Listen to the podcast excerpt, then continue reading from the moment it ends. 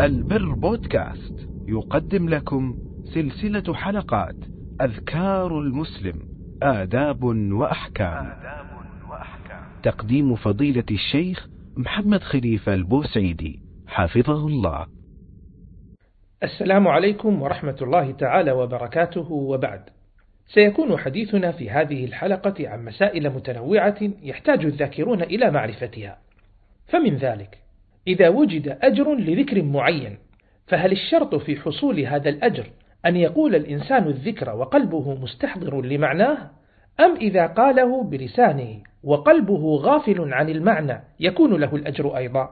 على سبيل المثال خرج البخاري في صحيحه عن شداد بن أوس رضي الله تعالى عنه أن رسول الله صلى الله عليه وسلم قال سيد الاستغفار أن تقول اللهم أنت ربي لا إله إلا أنت خلقتني وأنا عبدك وأنا على عهدك ووعدك ما استطعت. أعوذ بك من شر ما صنعت.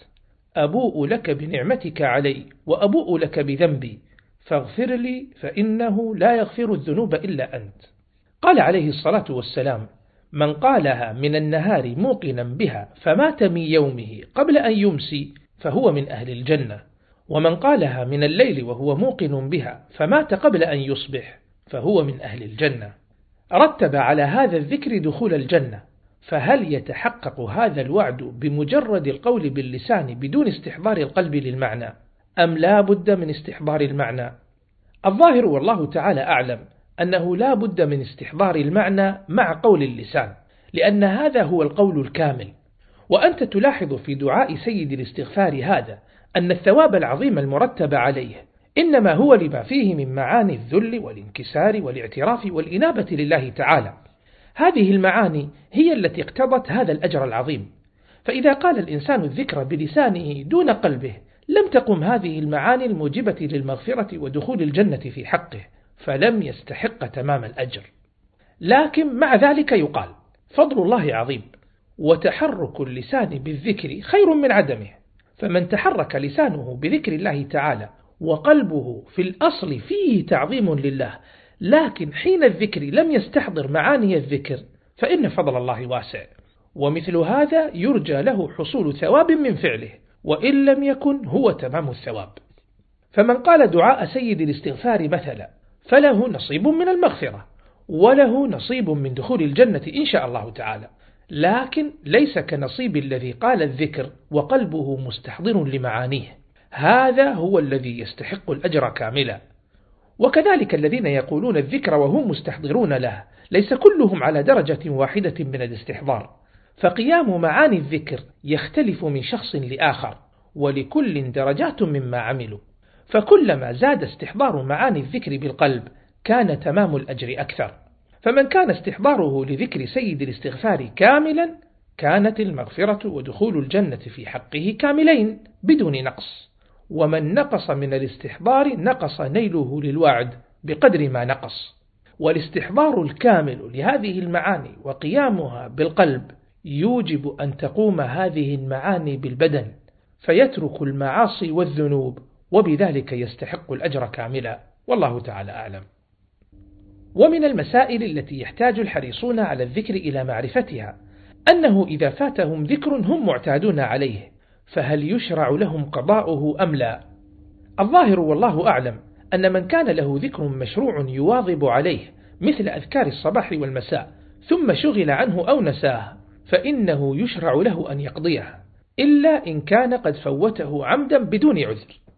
خرج الإمام مسلم في صحيحه عن عمر بن الخطاب رضي الله تعالى عنه أن رسول الله صلى الله عليه وسلم قال من نام عن حزبه أو عن شيء منه فقرأه فيما بين صلاة الفجر وصلاة الظهر كتب له كأنما قرأه من الليل. هذا في صلاة الليل.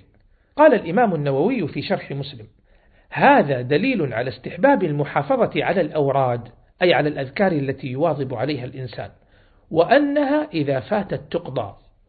لكن قيد الإمام ابن علان هذا القضاء بالأذكار المختصة بالأوقات لا المختصة بالأسباب. لأن الأذكار المختصة بالأسباب تفوت بفوات سببها كذكر الخروج من المسجد مثلا أو ذكر العطاس. إذا نسيه الإنسان ومضى وقت طويل عادة فإنه لا يشرع له أن يقضيه. يعني لو خرج إنسان من المسجد مثلا ونسي ذكر الخروج من المسجد حتى وصل البيت ثم تذكره فإنه لا يقول الذكر بعد وصوله إلى البيت لأن حالة الخروج من المسجد قد فاتت ففات محل الذكر. كذلك الترديد مع المؤذن. إذا لم يدرك الترديد معه جملة جملة فإنه لا يردد.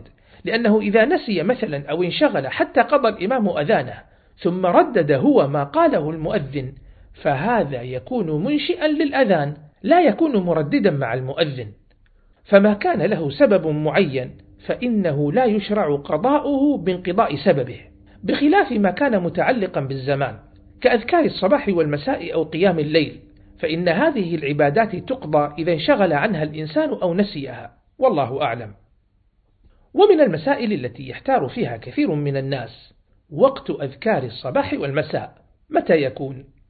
رجح ابن القيم رحمه الله أن أذكار الصباح تكون بعد صلاة الصبح إلى طلوع الشمس. وأما أذكار المساء فتكون من بعد صلاة العصر إلى غروب الشمس. واستدل بقوله تعالى يا أيها الذين آمنوا اذكروا الله ذكرا كثيرا وسبحوه بكرة وأصيلا. والأصيل بعد العصر إلى المغرب كما قاله الجوهري. وقال تعالى وسبح بحمد ربك قبل طلوع الشمس وقبل الغروب. فالأحاديث التي فيها من قال كذا وكذا حين يصبح أو حين يمسي المراد به هذه الأوقات بعد صلاة الفجر إلى طلوع الشمس وبعد صلاة العصر إلى غروب الشمس. وكذلك الأحاديث التي فيها أن النبي صلى الله عليه وسلم كان إذا أصبح قال كذا وكذا وإذا أمسى قال كذا وكذا وهي كثيرة. فهذا الذي ذكره ابن القيم وقد وسع غيره من العلماء فجعلوا وقت الصباح ممتدا من الفجر إلى منتصف النهار ووقت المساء من زوال الشمس أي أذان الظهر إلى منتصف الليل. والذي يظهر أن الوقت الذي ذكره ابن القيم رحمه الله هو الأقرب. لدلالة الآيات التي ذكرها ولأنه أحوط. فإن صعب على الإنسان الالتزام بذلك فليذكر الله تعالى متى ما تيسر له ما دام أنه لم يخرج بأذكار الصباح عن الصبح وبأذكار المساء عن المساء. والله أعلم. ومن المسائل التي تشكل على كثير من الناس أيضا تعيين المقصود بالمصلى. ذلك أنه قد جاء في بعض الأحاديث ترتيب الأجر على الجلوس في المصلى. مثل حديث جابر رضي الله تعالى عنه عند مسلم. كان رسول الله صلى الله عليه وسلم لا يقوم من مصلاه الذي يصلي فيه الصبح أو الغداء حتى تطلع الشمس. وفي الصحيحين من حديث أبي هريرة رضي الله تعالى عنه أن النبي صلى الله عليه وسلم ذكر فضل الجلوس في المصلى بعد الانتهاء من الصلاة. قال عليه الصلاة والسلام والملائكة يصلون على أحدكم ما دام في مجلسه الذي صلى فيه. يقولون اللهم ارحمه اللهم اغفر له اللهم تب عليه. ما لم يؤذ فيه ما لم يحدث فيه. هذا بعد الصلاة. وجاء مثل هذا الفضل قبل الصلاة وهو في الصحيحين أيضا. أن رسول الله صلى الله عليه وسلم قال لا يزال العبد في صلاة ما كان في مصلاه ينتظر الصلاة. وتقول الملائكة اللهم اغفر له اللهم ارحمه حتى ينصرف أو يحدث. فهل تحقق هذه الفضائل يشترط فيها ألا ينتقل الإنسان من مكانه الذي صلى فيه أم كل المسجد يعتبر مصلى؟ فيجوز له المشي في المسجد أو تغيير مكانه من دون أن يضيع عليه الأجر. الظاهر والله أعلم أن المسجد كله يعتبر مصلى لأنه لا تظهر خصوصية لذات المكان الذي صلى فيه. وإنما المراد والله أعلم لزوم المسجد وعدم الخروج منه إلى مشاغل الدنيا. فمن فعل هذا نال هذه الفضائل بإذن الله تعالى. ومن المسائل المتعلقة بالذكر أيضا أهمية تنشئة الطفل على الأذكار والآداب الإسلامية وهذه مسؤولية الوالدين. فإن النبي صلى الله عليه وسلم يقول كلكم راع وكلكم مسؤول عن رعيته الإمام راع ومسؤول عن رعيته والرجل راع في أهله وهو مسؤول عن رعيته. والمرأة راعية في بيت زوجها ومسؤولة عن رعيتها. متفق عليه. وفي سنن أبي داود عن عبد الله بن عمرو بن العاص رضي الله تعالى عنهما أن رسول الله صلى الله عليه وسلم قال مروا أولادكم بالصلاة وهم أبناء سبع سنين واضربوهم عليها وهم أبناء عشر وفرقوا بينهم في المضاجع. فيبدأ الإنسان بالتدريج. يبدأ بالأذكار السهلة ويركز على قراءة القرآن. إما يفعل هذا الوالدان بأنفسهما وإما أن يأتيا بمعلم ماهر يعلم أبناءهما القرآن. وهذا أهم ما يتعلم من الأذكار. وكذلك أذكار الصلاة. لا بد أن يتعلمها الابن ولا بد للوالدين من التأكد أن هذه هي الأذكار النبوية المشروعة. فقد زاد ناس ونقص آخرون. وخير الهدي هدي محمد صلى الله عليه وسلم. وهناك كتيب صغير الحجم كثير الفائدة. للشيخ عبد العزيز بن باز رحمه الله تعالى في صفة صلاة النبي صلى الله عليه وسلم. يمكنك أن تقرأه أنت وأولادك وأن تحفظهم ما فيه من أذكار وهو موجود مجانا على الإنترنت. والمقصود أن تعلم أبناءك الأذكار اليومية. كذلك تعلم الأبناء معاني هذه الأذكار فإن فيها من المعاني ما هو شيء عظيم. وهذا التعليم كما أنه يكون بالتدريج فإنه أيضا يكون بالتكرار. أحيانا يكون بالتعليم المباشر وأحيانا عن طريق السؤال والجواب وأحيانا عن طريق استغلال المناسبات وأحيانا عن طريق اللعب كالمسابقات مثلا. وهكذا حتى ترسخ هذه المعاني في ألسنة الأطفال وقلوبهم. فإن الأذكار تعلق الطفل بربه سبحانه وتعالى وتعلمه معاني الإيمان والتوحيد. وهذا في غاية الأهمية حتى ينشأ الطفل متعلقا بربه متعلما دعاءه بالسنن الواردة عن النبي عليه الصلاة والسلام. خرج البخاري ومسلم عن عمر بن أبي سلمة رضي الله تعالى عنه قال كنت غلاما في حجر رسول الله صلى الله عليه وسلم وكانت يدي تطيش في الصحفة. فقال لي رسول الله صلى الله عليه وسلم يا غلام سم الله وكل بيمينك وكل مما يليك فما زالت تلك طعمتي بعد. وفي النسائي عن عبد الله بن عباس رضي الله تعالى عنهما قال كنت رديف النبي صلى الله عليه وسلم فقال يا غلام إني أعلمك كلمات احفظ الله يحفظك احفظ الله تجده تجاهك إذا سألت فاسأل الله وإذا استعنت فاستعن بالله واعلم أن الأمة لو اجتمعت على أن ينفعوك بشيء لم ينفعوك إلا بشيء قد كتبه الله لك وإن اجتمعوا على أن يضروك بشيء لم يضروك إلا بشيء قد كتبه الله عليك. رفعت الأقلام وجفت الصحف.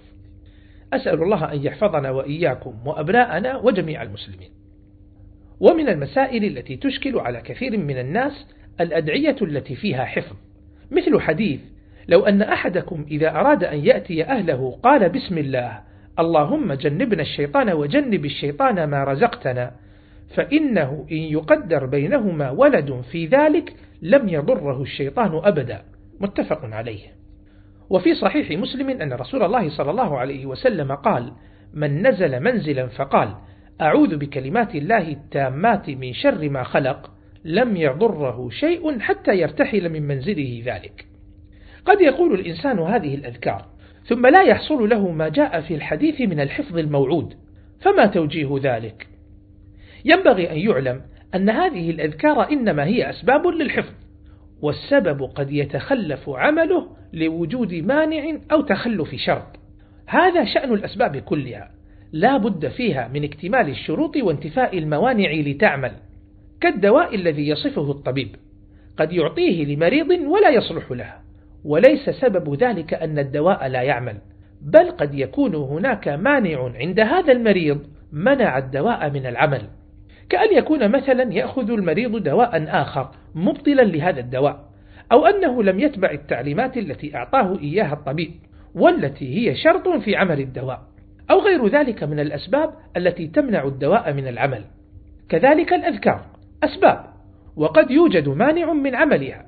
كأن يكون الإنسان عاصيا فإن المعاصي تمنع بركة الدعاء والذكر. ولذلك جاء أن ترك الأمر بالمعروف والنهي عن المنكر يكون سببا في عدم قبول الدعاء وعكسه أن فعل الطاعات يكون الدعاء معه أرجى للقبول كما في قصة أصحاب الغار في الصحيحين. وقد يقول الإنسان الذكر وهو غافل فيكون تأثيره ضعيفا أو معدوما لأنه قاله عن غفلة. إلى غير ذلك من الأسباب التي توجب عدم حصول الأجر المطلوب أو الوعد المذكور في الحديث. فالمسلم يجتهد في الذكر والدعاء. ويتوكل على ربه فإن أصابه شيء فليعلم أن هذا بسبب مانع أو عدم توافر الأسباب.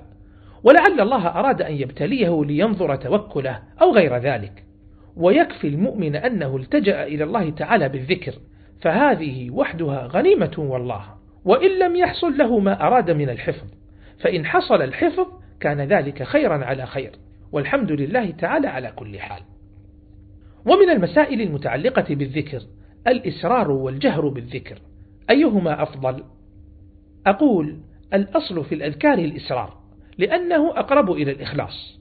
قال الله تعالى واذكر ربك في نفسك تضرعا وخيفة ودون الجهر من القول بالغدو والآصال ولا تكن من الغافلين. وفي الصحيحين عن أبي موسى الأشعري رضي الله تعالى عنه قال كنا مع رسول الله صلى الله عليه وسلم فكنا إذا أشرفنا على واد هللنا وكبرنا ارتفعت أصواتنا. فقال النبي صلى الله عليه وسلم يا أيها الناس أربعوا على أنفسكم فإنكم لا تدعون أصم ولا غائبا. إنه معكم إنه سميع قريب. تبارك اسمه وتعالى جده. لكن قد جاءت السنة برفع الصوت في بعض الأذكار.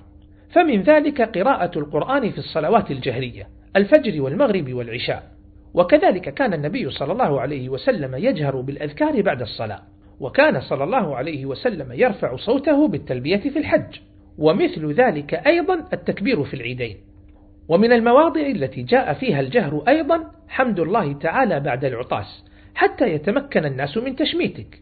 وفي الصحيحين أن رجلين عطسا عند النبي صلى الله عليه وسلم فشمت النبي صلى الله عليه وسلم أحدهما ولم يشمت الآخر. أي قال له يرحمك الله. وهذا فضل عظيم أن يدعو لك النبي صلى الله عليه وسلم بالرحمة. فسأله الذي لم يشمته لماذا لم يدعو له ودعا لأخيه؟ فقال إن هذا حمد الله وإنك لم تحمد الله. فما جاء فيه رفع الصوت فإنه يرفع فيه الصوت. وأما ما لم يرد فيه رفع الصوت عن النبي صلى الله عليه وسلم فالأصل فيه خفضه. وقد يستحب رفع الصوت أيضا بغرض التعليم أو التذكير خاصة إن كان الإنسان ممن يتبعه الناس. كالوالد مثلا يريد أن يعلم أبناءه أو يذكرهم أو المعلم يجهر ليتعلم منه طلابه الذكر. فمثل هذا أيضا حسن. والله تعالى أعلم. وصلى الله على نبينا محمد وآله وصحبه وسلم.